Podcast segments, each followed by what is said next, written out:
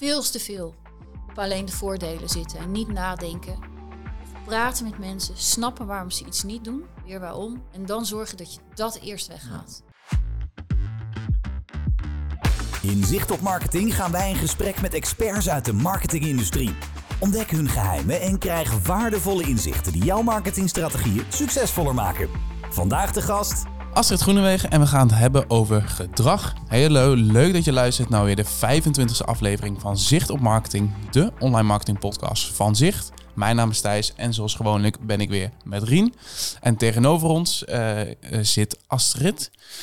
Leuk dat we hier mogen zijn, want we zitten op locatie deze keer. We zitten in Amsterdam bij Sue.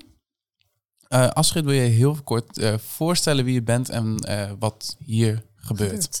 Uh, nou, in ieder geval welkom. Ontzettend leuk dat jullie er zijn. Uh, ik ben dus uh, ja, Astrid Groenewegen en ik ben een van de medeoprichters van Soul Behavioral Design. Daar zijn jullie nu in onze pand in Amsterdam. En waar wij eigenlijk dagelijks mee bezig zijn voor klanten, waaronder ook marketeers, dus dat komt mooi uit, nou, kijk. is de psychologie van beïnvloeding toepassen.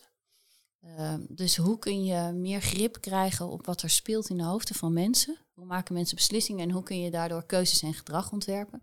En dat doen we in een consultancy, een academy en we hebben nog een onderzoeksbureau. Dus dat is een beetje de korte inleiding. Uh, en dat doen we nu. Uh, volgens mij wordt het het twaalfde jaar. Nou, kijk. Dus, uh, en is jouw achtergrond dan ook uh, marketingachtergrond of heb je een hele andere achtergrond? Um, ik heb sociale wetenschappen gestudeerd ooit, maar ja, dat klinkt nog zo vaag uh, als het maar ja. kan. Hè?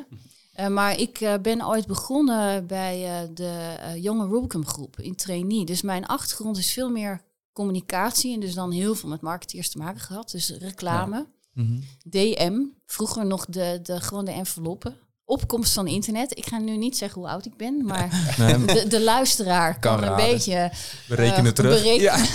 Ja. uh, dus heel erg vanuit alle sponsoring, alle facetten van communicatie, maar het langst in reclame eigenlijk gezeten. Leuk. Ja. ja. goed. We hebben ook uh, zoals gewoonlijk weer uh, stelling bedacht bij deze, bij deze ja. aflevering. Ja. Rien, je mag hem weer uh, Ja, ik mag hem altijd de stelling erin brengen. nou, ik heb natuurlijk jouw boek gelezen. Die ligt hier op tafel. Die zien ja. mensen niet uh, op dit moment. Want helaas geen camera's erbij uh, voor deze aflevering. Ja. Maar we maken een leuk fotootje er nog bij. Of we zetten hem in de show notes. Uh, en ik werd eigenlijk een beetje door het boek getriggerd dat het... het zet zich een beetje af tegen persona's. Of in ieder geval, daar ging het over. En mm. Het gaat over gedrag. onder andere natuurlijk gedrag ontwerpen. Dus de stelling die wij verzonnen hebben is... marketeers begrijpen hun doelgroep helemaal niet. Een mooie stelling. Ja. Dankjewel. En de, uh, jij mag er altijd over reageren. Ik mag erop reageren. Ja, wat en het idee van de stelling. En, de, en waar die vandaan komt. Ja. Um, ja, nou, ik denk misschien om daarop te reageren één stapje terug. Want wat, uh, wij werken dus ook heel veel met marketeers. En wat we altijd uh, vertellen ook tegen marketeers is dat zij briljant, fantastisch zijn in wat wij inside out denken ja. noemen. Dus dat is, ze weten uh, welk product ze hebben, ze kennen alles over hun merk, ze kennen hun organisatie. En uh, ze hebben, en dan kom ik naar de persona's, heel vaak voor ogen wat de doelgroep is of wie dat er is. En um, wat wij hier doen vanuit de gedragspsychologie is wat we outside in denken noemen. En dat is veel meer waarom doen mensen iets. En dan um, uh, dan ga je het hebben over hoe nemen mensen beslissingen, hoe komt gedrag. En dat zie je gewoon nooit terug in persona's. Um, dus ik zeg, oké, in mijn boek heb ik het vrij. Soms kan ik polariserend overkomen, maar ik, zou, ik heb in mijn werkverleden ook zo vaak persona's gezien waarvan ik dacht, die zijn gewoon irritant perfect. Uh, leuk, maar ik ken ze niet en ik ben zo zeker niet. En ik snap wel dat marketeers onderverdeling moeten maken. Maar ik vond het, toen ik veel meer in die gedragspsychologie ging, toen dacht ik, maar het klopt ook niet bij mij. Daar, daar uh, begint het vaak, hè? Ja. Dat je denkt, ik ben misschien ochtends persona A, uh, maar smiddags B. En ik geef volgens mij ook, in, ik weet het niet meer. Ja, met koffie. In koffie ja. uh, het voorbeeld dat ochtends heb ik haast, want mijn dochtertje moet naar school. Dus dan doe ik een hele snelle koffie. En maar smiddags dan wil ik mijn mooie latte hebben. En s'avonds na het eten misschien mijn espressootje. En ik heb bijvoorbeeld jaren voor Sarah Lee gewerkt. En daar was dat zo gesplitst. Dus de waarom mensen iets doen, dat zie je niet in persona's terug. En vooral als ze dan zo irritant perfect worden, dan heb je mij niet meer uh, aan je kant. nee, dus dat is de reden. En ik denk, ik, ik zeg daarom niet dat inside-out denken niet belangrijk is. Maar ik denk dat heel veel marketeers juist nog beter die doelgroep kunnen beïnvloeden als ze dat outside indenken aan toevoegen. Ja. En daar komt het vandaan. En dat wordt te veel vergeten, vind je, denk ik dan? Nou, het verbaast mij. uh, maar daar, daar ook hand in eigen boezem. Ik was precies zo, hè. Ja. Wij maakten, en ik ben ook uh, pro-reclame, pro-marketing. Maar we wisten dat, dat die, ik noem het altijd de missende laag. Hoe werkt het nou echt in de hoofden van mensen? Ik had geen idee.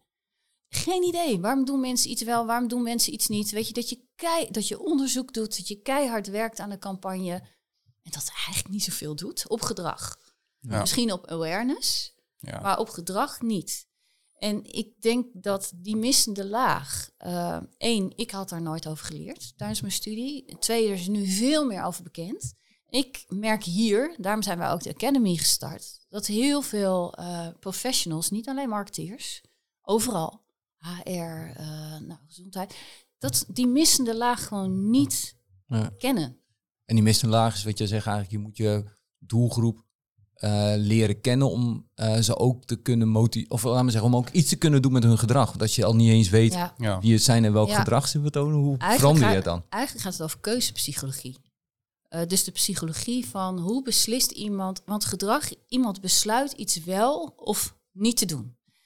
En wij denken, en daar zitten heel veel foute assumpties, die ik dus ook had, hè, eh, eh, in van als mensen maar informatie geven, als we het maar leuk brengen, als we het maar kort en, en bondig doen, eh, dat mensen het wel en enthousiast zijn, dat mensen het wel gaan doen, maar zo werkt het niet in het brein. Het brein het blijkt heel anders te werken. En dan denk je ineens, vandaar dat die Ja. briljante campagne die ik zelf heel goed vond, en misschien ook wel goed in elkaar, maar dat mensen het niet gingen doen. Ja. Dus het is heel erg, eh, ja, de manier waarop we beslissingen nemen is niet op basis van feiten, argumenten en dat soort dingen. En dat En- is de grootste eye-opener. Ja, en daar, daar komt het toch ook weer mee terug. En dat wordt veel vaker in podcasts ook al benoemd. Dat ja, het precieze getal weet niemand, maar boven de 95% natuurlijk onbewust Ja. gebeurt. Ja, ja dat, dat, is, eh, dat, dat zijn Kahneman en Tversky geweest. Eh, die eh, twee heel bijzondere mannen. Alleen Kahneman leeft nog Ja. overigens. Maar dat zijn de eerste psychologen die de Nobelprijs voor de economie hebben gewonnen. Want waar kwamen ze achter? Wij leerden allemaal dat mensen rationele beslissingen nemen. Voor's en tegens, afwegen, doen wat het beste voor hunzelf is. En zij kwamen erachter, dat is helemaal niet zo. De meeste van onze beslissingen nemen we inderdaad eh, totaal Onbewust. onbewust. Nou kun je daar echt op promoveren, over het getal. Want Kahneman en Tversky noemen niet het percentage. Als je hun basiswerk eh, leest, Thinking Fast and Slow, dan staat dat er niet in. Staat de meerderheid. Maar voor mijn boek ben ik eens gaan kijken van, kan ik het nou vinden? Nou, 95% 96, dus wat het meeste circuleert. Ja, Een andere professor weer eh, zegt nee, het is ondertussen 98, want we hebben allemaal die beeldschermen waar we aan verslaafd zijn. Dus we hebben nog minder. Die eh, aandachtspannen, focus. ja, die is nog is korter Maar geworden. het is waar ze het allemaal over eens zijn, is het merendeel. Ja. Nemen we onbewust en postrationaliseren we. Dus eh, om een voorbeeld te geven, als ik eh, denk, eh, ik mag echt niet meer shoppen en ik zie sneakers en onbewust heb ik die gewoon al gekocht en dan kan ik heel snel argumenten verzinnen waarom dat echt een goed idee was. Ik heb zo hard gewerkt en het eind van de maand is bijna, salaris komt weer. En deze, deze wilde ik al heel lang hebben. En zo werkt het met kleine en grote beslissingen. Allemaal onbewust. Ja. Allemaal onbewust, ja. ja. Hey, kan je eh, ons... Eh, je, we gaan niet een boeksamenvatting doen, maar wat een, ja, is, laten we zeggen, het eh, model wat jij in het boek behandelt, kan je ons daar Ja. een klein beetje, want dat gaat echt over hoe je gedrag ontwerpt. Ja. hè, Dus ehm, Ja, ik denk ehm, wat. Kijk, ik kom dus uit die reclame en ik was. Het is een beetje ja, uit persoonlijke frustratie dus ook geboren dat je denkt, ja, maar sommige dingen hebben we echt goed over nagedacht. Of zijn gewoon echt goed. En waarom doen mensen het nou niet? Zelfs als het echt goed voor ze is. En toen ben ik me in de gedragswetenschap gaan verdiepen. Echt jaren alles gelezen en gedaan. En ik, ja, ik ben een soort. Ik ben gewoon een nerd, niet een soort nerd. Dus ik vond het heel fascinerend. Maar het is theorie. Ja, En ik zat in de praktijk. Dus wat hebben wij hier gedaan? We hebben die theorie in een model uh, veranderd, die uit, eigenlijk vier, maar drie uh, belangrijkste stappen uh, bestaat. Eerst is inzicht, dat is wat ik net vertelde. Hoe werkt dat nou? Hoe nemen mensen beslissingen? tweede is dan vervolgens, oké, vanuit die inzichten, hoe kun je dat nou naar tastbare, concrete ideeën vertalen? En ideeën is in de breedste vorm. Dat kan zijn een HR-beleid, dat kan zijn hoe je je teams aanstuurt, dat kan zijn een campagne, nou, noem het op, UX, weet ik veel. Een idee in brede zin. Gebruikmakend van principes uit de gedragswetenschap. Dus ik kwam uit een creatieve sector waar hele goede ideeën kwamen, maar niet per se ideeën die gedrag stuurden. En er zijn gewoon heel veel bewezen principes. En dan gaan we dat heel snel prototypen. Uh, en dat zijn de drie fases. En dat doe je ook weer op een bepaalde manier, zodat je zelf niet allerlei, met allerlei vooroordelen uh, luistert naar wat je wil horen, wat werkt. Dat staat in het boek omschreven. En dat is uh, niet iets wat ik voor het boek heb bedacht, uh, maar wat we eerst jaren op onze klanten hebben toegepast in de consultancy. dus daar ook alle cases op hebben gedaan. En toen zijn we dat in de academy gaan onderwijzen en toen heb ik het boek geschreven. En waar, waar zie jij dan vaak, laten we zeggen, in uh, als je het hebt over consultancy of ook misschien als je hier uh, bij de Academy, waar zie je dan vaak dingen een beetje uh, fout gaan? Hè? Dus de intenties zijn hoofd algemeen denk ik van iedereen ja, goed om na te denken ja. over ja, benaderen, doelgroepbenadering of wat dan ook, uitingen. Waar zie jij dan vaak dat je denkt, ja, maar hier had je echt even een afslag anders moeten nemen? Dat begint in de eerste stap. Dus dat, dat mensen echt denken, als je maar informatie, argument, als je maar duidelijk vertelt, dan gaan mensen het wel doen. Mhm.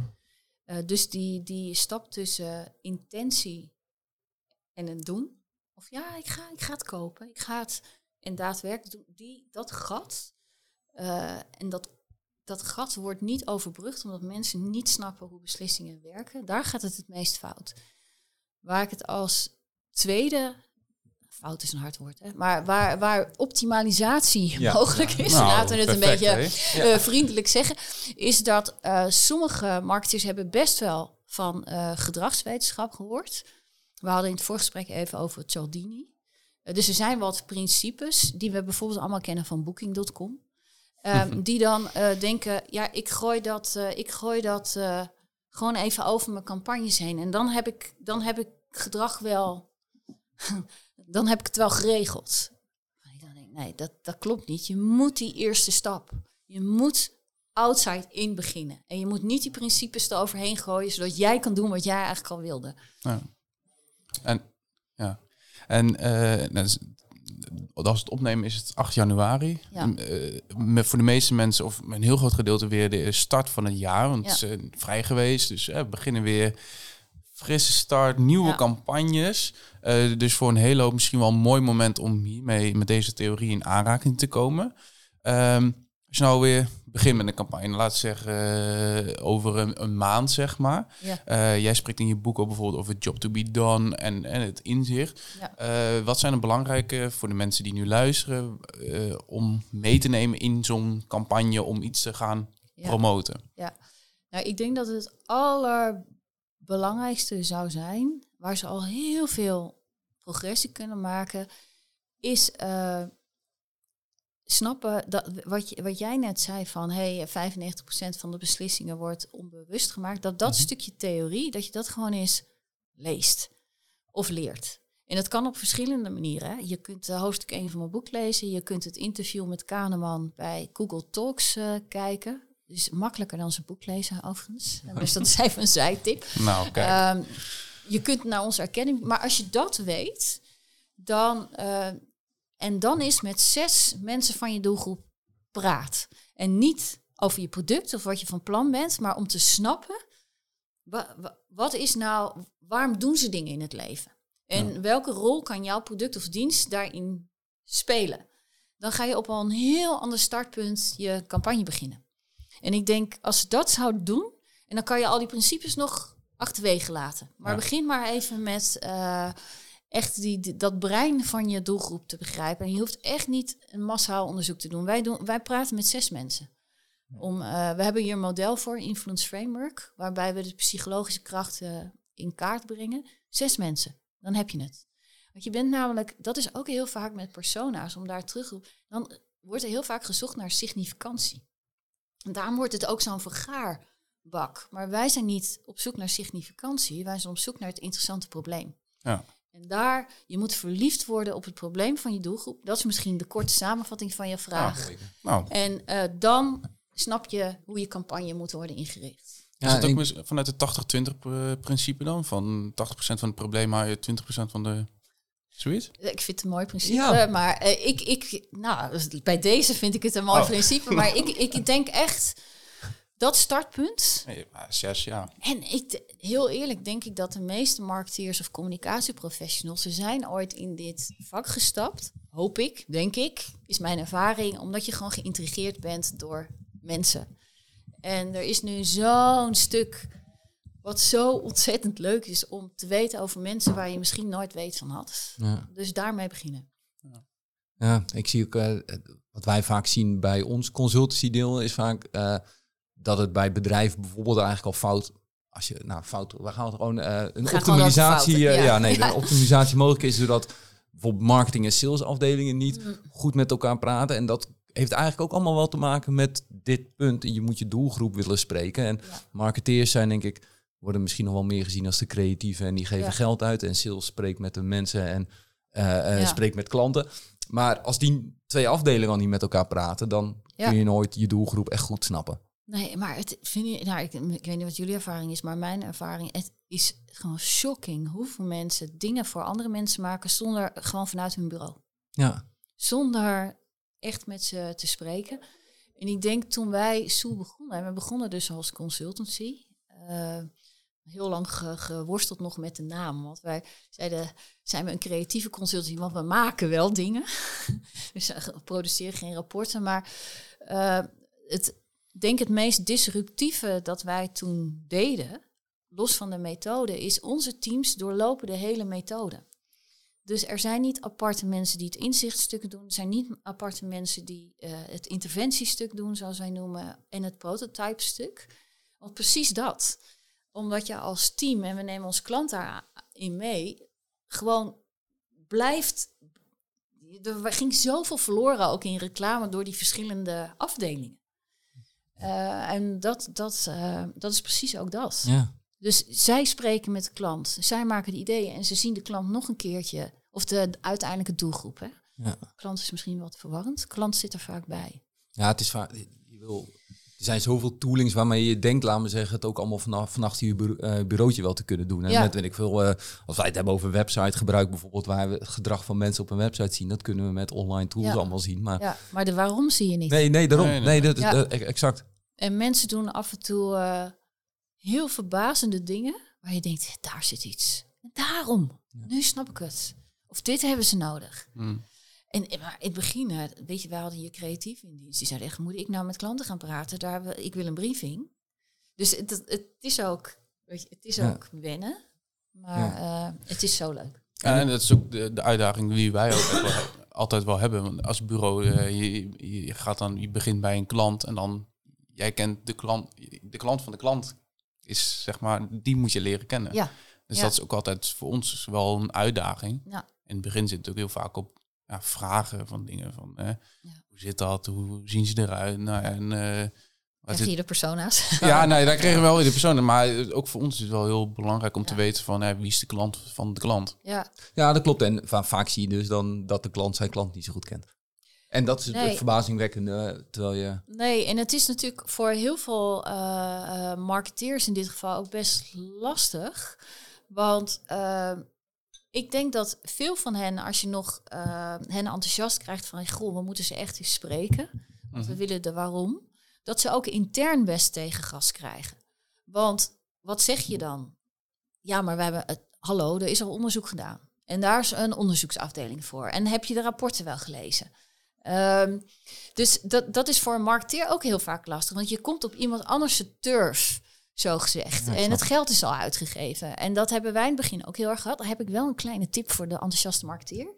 Je moet het ook geen onderzoek noemen. Je moet het gedragsanalyse noemen. Mm. En dat is het ook. Eh, maar woorden doen heel veel, ook op het brein. Maar als je zegt, oké, want wij lezen ook al die onderzoeken, hè, uh, als wij hier. Maar we voegen daar gedragsanalyse aan toe. En dat kan je als marketeer zelf doen, of jullie uh, als bureau, of het liefst het samen met je klant. en dat is maar vijf, zes interviews, duurt ook niet lang, hoeft niet veel te kosten. Je produceert ook geen rapport. Wij leveren een influence framework op. Nou, dus in drie dagen heb je dat gedaan, maar dan heb je wel de waarom. Ja. ja.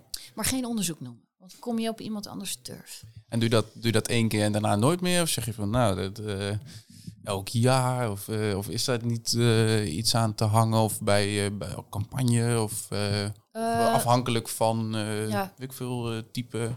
Wij, wij doen het sowieso, wij doen geen project zonder. Tenzij hm. we diezelfde doelgroep, want je hebt natuurlijk wel een doelgroep. Als je mhm. die interviews doet, krijg je zoveel inzichten dat je daar uh, meerdere uh, campagnes of services uh, voor kan ontwikkelen. Dus als je zo'n influence framework hebt, heb je eigenlijk een soort schatkist aan inzichten. Maar als je ineens weer een heel andere doelgroep hebt, dan, dan moet je het opnieuw doen. Ja, nee, dan moet je het opnieuw doen. Ja, maar je kunt het voor meerdere dingen gebruiken. Wat we wel doen in dat prototype, dus het snel testen, gebruiken we andere mensen dan die we in het begin hebben geïnterviewd. Want die zijn dan ook alweer gekleurd. Dus we proberen ja, alle ja, zo, zo uh, netjes mogelijk uh, of objectief mogelijk te testen. Ik moet met dit voorbeeld, met, met overal moet denken aan uh, vorige week nog een podcast over geluisterd om de, over de omgevingswet. Die is dit jaar live gegaan. Dat is de grootste wetwijziging in, in jaren, zeg maar. En ook experts zeggen daar dat het ook op dit stuk is misgegaan. Op het begrijpen van de doelgroep, gemeente spreken en dat allemaal. Dat ze besloten hebben om uh, gewoon maar dingen te gaan uh, uitvoeren zonder echt te vragen van ja, hoe, hoe gaat dat nou allemaal? Ja. Grappig. Dat was een van de grootste wijzigingen van de wet ooit. Ja, en dan uh, denken ze met hele mooie informatie, folders en dingen, dan komt het wel goed. Ja. Maar dat komt niet goed. hey, en, en hoe verhoudt, laten we zeggen, jouw model of theorie zich dan tot de, je noemde net als Cialdini bijvoorbeeld, hè, als het gaat over... Nee, we hebben dat, dat gaat vooral over beïnvloeden. Hè? Eh, dit gaat meer over ontwerpen. Waar, hoe moet ik dat zien? Ben, ben je eerst aan het ontwerpen en daarna beïnvloeden? Of nee, we zijn gewoon aan het beïnvloeden. Uh, ik noem dit ook en uh, de psychologie van beïnvloeding. Dus het is allemaal beïnvloeden. En ik krijg natuurlijk dan ook heel vaak te horen: oh, jij zit in de manipulatiebusiness. nee.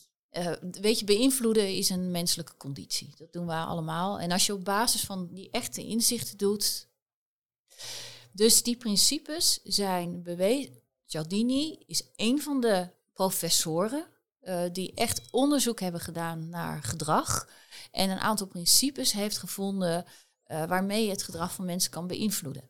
Dus in die interventiefase, die tweede stap, gebruiken we die ook. Alleen er zijn er veel meer. Er zijn er veel meer, uh, ook die beter werken. Er is ook nog geen gouden formule. Dus iedereen die beweert, oh, als je dat er maar aan toevoegt aan je campagne, dan werkt het. Dat is echt pertinent niet waar. Mensen zijn gelukkig iets te complex voor dat. Dus het heeft helemaal te maken met het soort product, het moment, je context. Um, maar daar, daar zit Cialdini bij ons. Waar ik alleen altijd een beetje tegen ageer, is dat mensen het gewoon maar over hun campagnes ja. gooien. Zonder dat het is begonnen bij de inzichten. Die, inzichten. Ja. ja. dan denk ik, ja, nee, dat is cosmetisch. Ja. En, uh, maar het is allemaal beïnvloeding. Ja, oké. En wel wat, jij zegt net, uh, de, de, zijn dingen die beter werken. Uh, ja. wat, wat jouw ervaring dan werkt goed qua beïnvloeding? Ja, dat is dus moeilijk te zeggen. want dat, dat is dus echt testen. En dat is echt afhankelijk van zoveel factoren. Kijk, gedrag bestaat niet in een vacuüm. Uh, het wordt, wij noemen uitgelokt door je context. Dus eigenlijk is gedragsontwerp ook zorgen dat die context ontworpen wordt. Want denk maar aan je eigen gedrag. Ik weet niet hoe bij jullie is, maar stel, uh, nou ja, wel. Ik denk dat je op je werk anders gedraagt dan met vrienden in de kroeg. Denk ik. Oh, ja, toch wel een beetje. Dus hij het heel gezellig is bij zich. Maar neem nou, mensen die, die in corporates, weet je, ook hoe ze eruit... Maar dat komt, de context zorgt dat je op een bepaalde manier gedraagt. Dus welk principe werkt, dat ligt dus maar net aan uh, waar een interventie wordt gedaan, voor welke personen, op welk moment. Er zijn er wel een paar waarvan ik denk, nou, die zijn wel heel sterk. En ehm, dat is bijvoorbeeld ehm, nou, uh, question substitution. Dat is een, andere, een makkelijkere vraag aan mensen stellen die tot hetzelfde gewenste gedrag leidt. Daar zijn hele lelijke voorbeelden van. Die zal ik toch maar even geven, omdat iedereen die kent. Maar je kan bijvoorbeeld zeggen, uh, in de politiek. Lees mijn hele politieke programma. En uh, vorm je mening over onze standpunten en stem dan op mij, het gewenste gedrag. Wat je heel veel in politiek ziet, is question substitution, namelijk een andere vraag. Populisten, wil je dat buitenlanders alle banen van jouw kinderen overnemen? Nee, stem dan op mij. En dat is een lelijk voorbeeld van, vind ik, van question substitution. Maar misschien begrijp je het principe als je een andere Sporten, nu, we zitten in januari. Uh, wil je drie keer per week naar de sportschool? Nou, er zijn maar weinig mensen. Misschien twee weken en dan zijn we klaar. Maar als je, en Thijs, jij zei het net, job to be done. Mensen hebben allemaal dieper liggende motivaties. Iets wat je in het leven wil bereiken. Dat is de job to be done. En die is bij ons echt cruciaal. Stel je gaat trouwen in april dan kan een job to be done zijn, ik wil er gewoon goed uitzien op mijn trouwfoto's. Question substitution zou in dit geval zijn, wil je er goed uitzien op je trouwfoto's, kom dan bij ons sporten. Ja. En dat is dat, dat uh, stellen van de vraag over de rug van wat iemand zelf echt wil, uh, dat uh, is een heel sterk principe, die ik bijna altijd zie werken. Wordt ook wel, het is een vorm van framing. Misschien hebben jullie daar wel van gehoord, maar uh, informatie op een andere manier presenteren. Ja.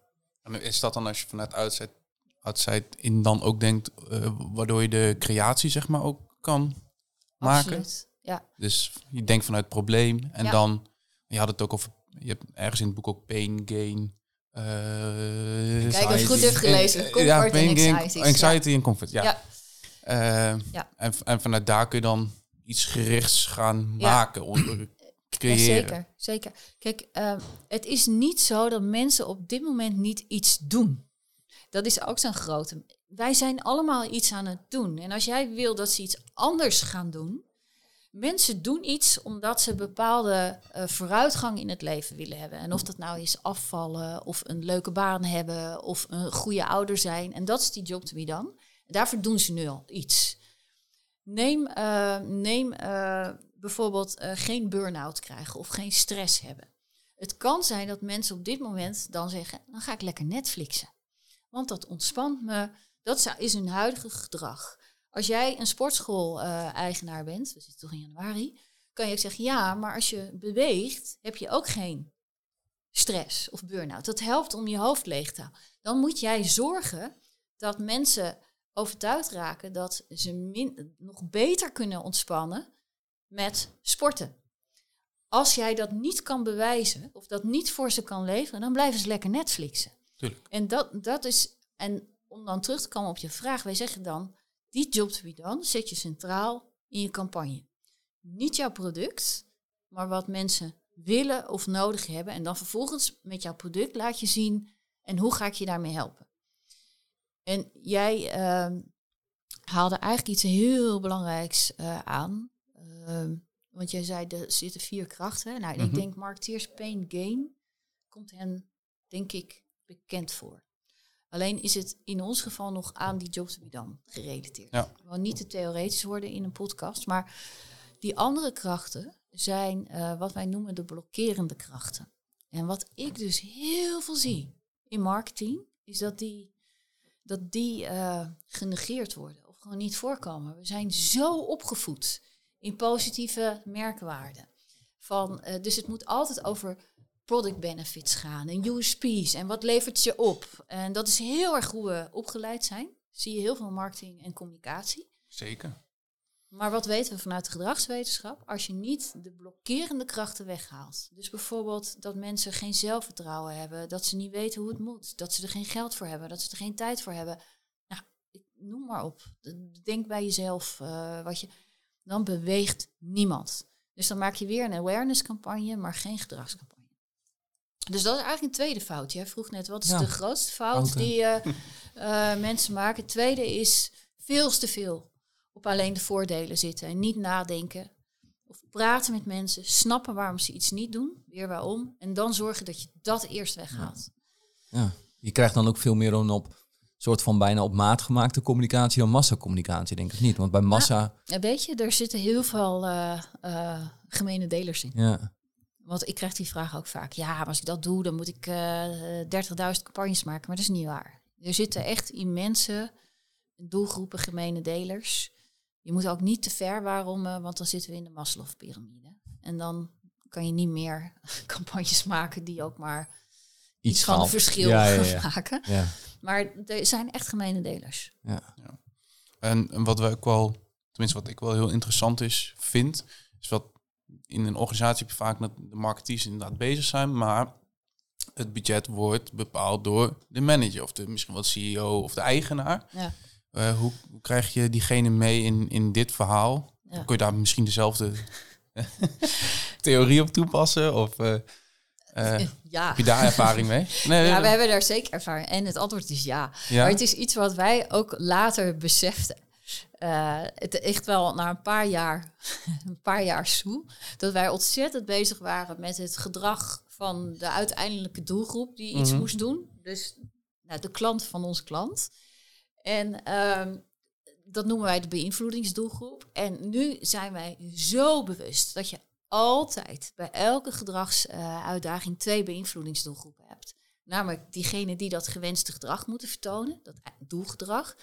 En je eigen klant, de marketeer, die intern dat maar moet zien te verkopen. Eh, die heeft daar ook een beïnvloedingsspel. Nou, ik Ja. denk iedereen die in dit vakgebied Ja, nee. werkt, nou, er, er sneuvelen gewoon af en toe mooie dingen, eh, omdat dat spel niet goed gespeeld wordt. En mijn antwoord was ja. Wat wij eh, echt in het begin van het traject, en wat je dus ook echt kan doen, is dat zijn ook maar mensen. En die Is- mensen hebben ook jouw manager of jouw de, de besluitnemer, die heeft ook job to be done. Die heeft ook eh, blokkades tegen ja zeggen op jouw idee. Mensen zeggen liever nee in onzekerheid en kiezen voor suboptimaal dan dat ze het onzekere kiezen. Dus je moet heel goed snappen wat kan ervoor zorgen dat iemand mijn idee ook kan omarmen? Hoe helpt het zijn interne doelstelling te realiseren? Welke onzekerheden moet ik eruit weghalen? Moet ik het misschien eerst piloten, kleiner Ja. maken? Of moet ik laten zien dat, dat er andere mensen al ja op hebben gezegd? Dus, en we helpen dan onze klanten intern ook hetzelfde influence framework, Ja. maar ook hun interne presentaties te maken. Dus Dat, is Ja. voor, dat is voor ons zo'n toverwoord, een pilot. ja, We zeggen dat heel veel klanten slaan daarop aan, omdat dat, Ja. er zit eigenlijk al een beetje de, eh, ja, hoe zeg je dat? Eh, eh, eh, daar, daar zit het falen al een beetje in verkapt, laten we zeggen. Dus, Ja. eh, dus als het eventueel niet lukt, laten we zeggen, kan je altijd nog verschuilen achter het woord, het was een pilot. Ja, Ja. ook dat. En voor onze mensen, en dat geldt ook voor ons, is niets erger dan het idee dat je de verkeerde beslissing neemt. Liever geen beslissing Ja. dan de Ja. verkeerde. En zeker als je in een organisatie zit met een afrekencultuur, de ergste, of eh, waar jij gewoon keihard op bepaalde doelstellingen wordt afgerekend. Stel dat je de verkeerde beslissing neemt.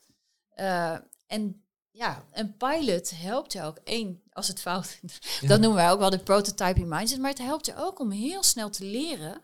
Wat wel, het is veel veiliger. Je, je vindt Ja. argumenten eh, waarom iets wel niet werkt. En dat is ook waarom wij prototypen.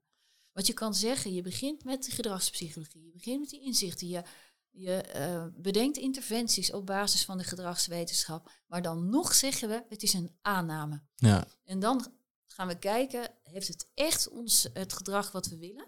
Heeft het niet rare zijeffecten? Of... En op basis daarvan geef je ook weer intern die stakeholder minuutje. Kijk, we hebben het eerst zo geprobeerd, maar dat bleek niet te werken. En daarom hebben we dit gedaan en dat werkt wel. En als je alleen al dat proces mensen intern meeneemt, normaal zeggen we, dit is het, wat vind je ervan? Dus ze hebben het hele eh, denkproces, welke afslagen je hebt genomen, niet meegekregen. Als je die wel laat zien en ook laat zien, dit werkte dus helemaal niet. En daarom hebben we dit gedaan, is het ook intern tweede tip, makkelijker om uh, mensen mee te krijgen. Ja. Maar verkeerde beslissing is toch vreselijk? Ja, nee, ja, ja goed. Dat, dat, ik begrijp dat, hè. Dat, is, dat is logisch. Maar ik, het is juist denk ik belangrijk dat je durft fouten te maken. Maar dat is...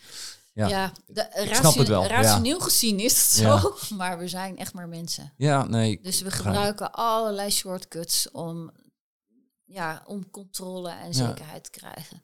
Ja. Dus die moet je aanreiken. Ja, nee, dat, dat is heel logisch. dat is het spel. En we hebben het, we hebben het wel over fouten gehad, maar zijn er ook vanuit jouw ervaring dingen dan die je in het verleden wel eens hebt geadviseerd? Of uh, je zegt van, poch, daar baal ik achteraf van dat ik dat toen uh, met de kennis van nu zou ik dat anders hebben gedaan? Of zijn er dingen waar je zegt, ja, toen, uh, toen, toen was mijn framework nog niet zo goed? toen klopte het nog niet. nou ja, ik denk die tweede beïnvloedingsdoelgroep. Dat hebben we echt heel lang niet, niet gedaan. Dus die interne beïnvloeding. Die interne. Ja, Dus dan hadden we voor ons gevoel heel goed werk geleverd, maar uh, kwam het niet. Dat vond ik wel uh, een uh, groot, groot inzicht. Van, oh ja, dit is eigenlijk maar ja, ik, de helft van ons werk. Of misschien is hier wel geld wel de 80-20 regel. Want ja. ja, een idee is pas een idee als het uitgevoerd wordt. Um, nou, ik herken wel wat je zegt hoor. Dat zien wij in ons werk natuurlijk ook wel. Als dat, uh, wij schakelen met uh, marketeers of met communicatie. En dan kun je met z'n allen het allemaal hebben over uh, plannen en, en ideeën, et cetera. Maar soms wordt het inderdaad, besteden wij misschien ook wel te weinig tijd aan de interne doelgroep. En dat is weer de manager van ja. onze contactpersoon omdat daar misschien wel hele andere krachten spelen waar wij helemaal niet van op de hoogte zijn, waardoor we vastlopen of niet verder kunnen. Ja. ja. ja. En als je een front met je, of een front klinkt het net wel in een oorlog zijn, ehm, maar soms voelt het zo dat je ergens voor aan het strijden bent, laat ik het zo zeggen, met je klant daarin kan vormen. Want uiteindelijk denk ik, en misschien is dat ook wel uh, het tweede. Uh, uiteindelijk, ik denk dat voor jullie ook geldt, maar voor ons ook je doelstelling is niet het idee, maar jouw klant succesvol maken. Dat is de ultieme doelstelling. En als dat betekent dat je dus hem intern of haar moet helpen, je moet dat samen moet je dat, dat strijdje winnen. Ehm, de tweede fout die wij trouwens hebben gemaakt, je kent het wel, de schilder schildert zijn eigen huis niet, hè? Ja, ja. ja. Dus wij hoven, ja, ik, ik zeg ze altijd de hovenier is bij ons het voorbeeld. Maar, ja. Uh, wij, uh, kijk, wij, wij, vertellen dan allemaal, mensen nemen niet beslissingen op basis van informatie. Mm. Dat zijn allemaal shortcuts. Je had in het begin onze opleverpresentatie moeten zien. was alleen maar informatie, was alleen maar feiten geven van kijk eens, kijk eens, dit hebben we uit het onderzoek ook helemaal niet op dat brein van onze klant. Uh, dat vond ik ook wel uh, een oh, dingetje. Ja. Waarvan ik dacht, oh ja, de schilder schildert soms zijn eigen huis. Ja, ja, ja, dat herken ik ook wel. Ja. Maar dat doen we nu beter, moet ik ah, zeggen. Ja, en wat wij ook wel eens merken is dat met dat eh, overtuigen van een, van een manager dat als intern het verhaal doen, dan, ja, en dan doen wij hetzelfde verhaal en dan is het, oh, oké, oké. Ja. Wij noemen dat dus, vreemde ogen doen dwingen. Ja, dat, dat, is, ook gewoon exact waarom je ingeschakeld wordt. Waarschijnlijk jullie ook. Dat is ook echt zo. Want dan is het de expert die zegt, oh, dan zou het wel goed zijn. Ja, en ik een stukje zekerheid. Ja, en ik denk, uh, los ervan dat we natuurlijk gewoon experts zijn. Nee, hoor. We hebben het altijd, we hebben het altijd goed. Ja. Maar ik zeg hier ook, uh, um, klant, het is ook een soort schaakspel, hè? Klanten moeten ons ook gewoon durven en kunnen gebruiken om voor dat soort dingen te doen. En soms betekent het ook wel eens, uh, dat hebben wij hier in projecten, en dat kan frustrerend zijn, dat als wij als eigenaren meegaan, dat er wel wordt geluisterd. Terwijl, en nou, nu is dat wel, maar vooral in het begin, dat junior, junior mensen die gewoon veel, soms net zo slimme of veel slimmere dingen zeggen, dat hij minder serieus zich ook gebruik ons als pionnetje. Weet je, het is gewoon, dit is dat beïnvloedingsspel. En dat kan je natuurlijk bij je eigen klanten ook doen. Als zij jullie kunnen gebruiken ja. om iets uh, door uh, te krijgen of net wat anders te vertellen. Uh, ja, hoe moet je dat doen? ja, maar dat is onze oud-eigenaar die zei altijd, ik, ik kan je iets vertellen over, uh, maar dat gebruikt in marketing ook, dan is zijn influencers natuurlijk ook weer zo, uh, zo goed. Ik kan je vertellen iets over een auto en Max Verstappen kan het vertellen. Ja, wie geloof je eerder? Ja, nou ja, uh, ja, Dat is ook allemaal een stukje invloed. Authority. Ja. Dat is ook weer gewoon een principe. Ja. En uiteindelijk krijg je je eigen autoriteit. Maar soms is het ook. Ik weet toen ik net in de reclame begon. Nou, we hebben gelukkig geen beeld, maar uh, ik, uh, ik ben een vrij mager type. En toen was ik 21. En een meisje. ik werd gewoon echt niet serieus genomen. Gewoon niet. Dit is Marjan. Um, en ik was dan heel gefrustreerd dat. dat Jouw telefoon of niet? Nee, dat is niet mijn telefoon. Ik denk. Oh. Iemand hier ik heb Hem, ik heb hem stilgezet even. um, dat ik dacht, die mannen met die grijze haren. Die gewoon eigenlijk niks zinnigs zeggen. maar ja, op een gegeven moment dacht ik, ja, maar je kan er heel gefrustreerd over zijn. Of ik neem die man met die grijze haar gewoon even mee. Ja. en dan, dan lukt het. En met die jaren bouw je je eigen ja, autoriteit. Is, ik, ik, nou ja, goed. Wij zijn ooit een keer met z'n tweeën bij een klant geweest. En die, uh, toen, ik weet niet of jij het nog kan herinneren, Thijs, maar toen moesten we onszelf voorstellen. En toen zei Thijs van, nou, ik ben uh, 22 of zo misschien op dat moment. Dus ik werk nu uh, twee jaar in SEO. En toen zei die van, oh, nou, ik acht jaar. Oh, en, uh, en, uh, en dus als zijnde van, oh ja, ik heb dus vier keer zoveel ervaring zei. Toen liepen we daar weg. Toen zei ik tegen jou, van, gewoon, gewoon je werk gaan doen, laat me zeggen. En laat vanuit, dat komt, dat komt wel. En twee, ma twee maanden later hing ze aan de lijn en zegt, ik heb nog nooit zo'n goede consultant gehad. Snap je? Dus ja. dat, dat, je, daar, daar doe je niks aan aan leeftijd. En, nee, en, en, en, maar ja, en dit is dus ook hoe het brein werkt. Dit is zo'n typisch voorbeeld van die mevrouw was het, hè? Die doet op basis van shortcuts, neemt haar onbewuste brein een beslissing. Als jij zegt, ik ben 22, de shortcut is, dat is een jonkie, hoeveel ervaring kan die hebben? Ja. Um, en waarschijnlijk in het gesprek wat jullie toen hadden, uh, misschien was je een beetje van je stuk en zei je toen ook niet zoveel, zegt ze, zie je? Dat is die ja. postrationalisatie. Ja. Mm. Naar de hand ga jij dingen doen, ga je dus een andere shortcut aanreiken. Maar dit is dus hoe het brein ja, werkt. Exact. Um, en je gaat daarna ging zij op zoek naar allemaal tekenen die dat voor haar bevestigden. Ja. En leeftijd is zo'n typische shortcut. Het is nou eenmaal zo. Dus ja, uh, en daarom vind ik ook uh, heel vaak als mensen zeggen, ja, maar het is manipulatie. Ja, maar ik vind het echt onzin. Want dit is gewoon hoe ons brein werkt. En als je weet hoe het werkt, ben je zelf ook niet van slag. Of uh, weet je ook wat er, wat er gebeurt. Weet je ook wat je ermee kan doen. Dit is gewoon hoe wij mensen zijn. Je kunt jezelf. Je hebt hetzelfde ook. Soms kom je iemand tegen en denk je in de eerste blik, die moet ik wel of die moet ik niet. Ja. En dat heeft je brein gewoon besloten. Ja. Op basis van shortcuts. Hm. Interessant. Zo zijn, werkt het. Zijn er punten uit jouw uh, boek waarvan je zegt, nou, maar die hadden jullie echt moeten aanstippen nu? Uh, want dat jullie daar geen vragen over gesteld hebben? Nee ik denk wat ik het belangrijkste altijd vind... Kijk, het is best een dik boek. Ja, zeker. En wat ik denk het belangrijkste vind is...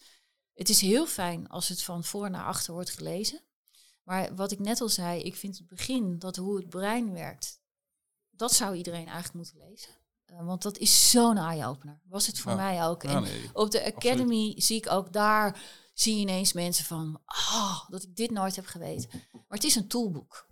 Het is geen leesboek. Het is fijn als je van voor naar leest. Maar ik denk het belangrijkste is, het is echt, denk ik, het enige echt praktijkboek waarmee je aan de slag kan. Waar theorie praktisch is gemaakt. En uh, ja. dat vind ik het belangrijkst. Uh, er zijn heel veel boeken, maar heel veel zijn heel theoretisch. Ja. Het is echt, uh, het, ik heb het geschreven zodat je ermee aan de slag kan.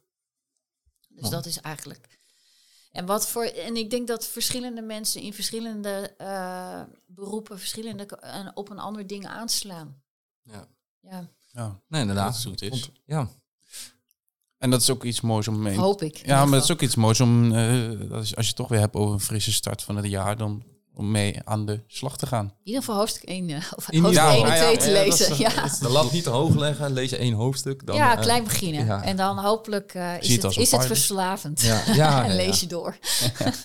de, de, de, volgens mij zijn we aardig rond. Ehm, het enige waar we nog niet waar we mee afsluiten is altijd, ken jij nog iemand? Want zo zijn we ook ooit weer bij jou gekomen via, ja, het is een heel, heel cirkeltje ondertussen. Dus je mag niet Ingmar de Lange of Chris Kolen noemen, want dan blijven we in een soort van cirkeltje. Ja, ja, cirkel ja, dan weet je wel dat we over een jaar weer bij jou zitten. ja, ja. Uh, maar dat uh, is misschien niet helemaal. Maar ken jij iemand of uh, zeg jij van, nou, de, die persoon die begeeft zich in de marketing of daaromheen met klanten bezig, daar, daar zou je eens een keer mee moeten gaan praten? Ja, die ken ik zeker. Het is namelijk een van onze klanten die ik vind uh, het voorbeeld is voor de marketeer van de toekomst. En dat is Erik Soeteman van Swinkels Brewery. Hm, dat is een klant van ons ook. En uh, los van dat het een ontzettend leuke man is met bevlogenheid voor het vak, vind ik dat hij, en hij heeft niet alleen dit, dit behavioral design omarmd, maar hij is echt bezig met wat is al het nieuwe denken in marketing. En hij is dat bijna nou, wetenschappelijk klinkt niet goed. Hij neemt de wetenschap en vertaalt dat naar de dagelijkse marketingpraktijken. En ik vind echt dat hij dat heel goed aan het doen is, want hij zit in fast mover. Ja. Uh, wat nog, vind ik, uh, nog een tikje moeilijker is uh, dan de dienstverleners. En hem zou je moeten spreken. Nou, dan eh, gaan we eens contact met hem leggen. Lijkt me een leuke. Gaat helemaal goed komen. Ja. Astrid, bedankt dat we hier mochten zijn. Voor al je waardevolle inzichten. Uh, en voor degene die luistert, bedankt voor het luisteren. Uh, en dan zien we jullie weer bij de volgende aflevering van uh, Zicht op Marketing, de 26e aflevering. Dit was Zicht op Marketing. Volg ons in je favoriete podcast-app en mis geen enkele aflevering. Check onze andere podcast op zicht.nl/podcast.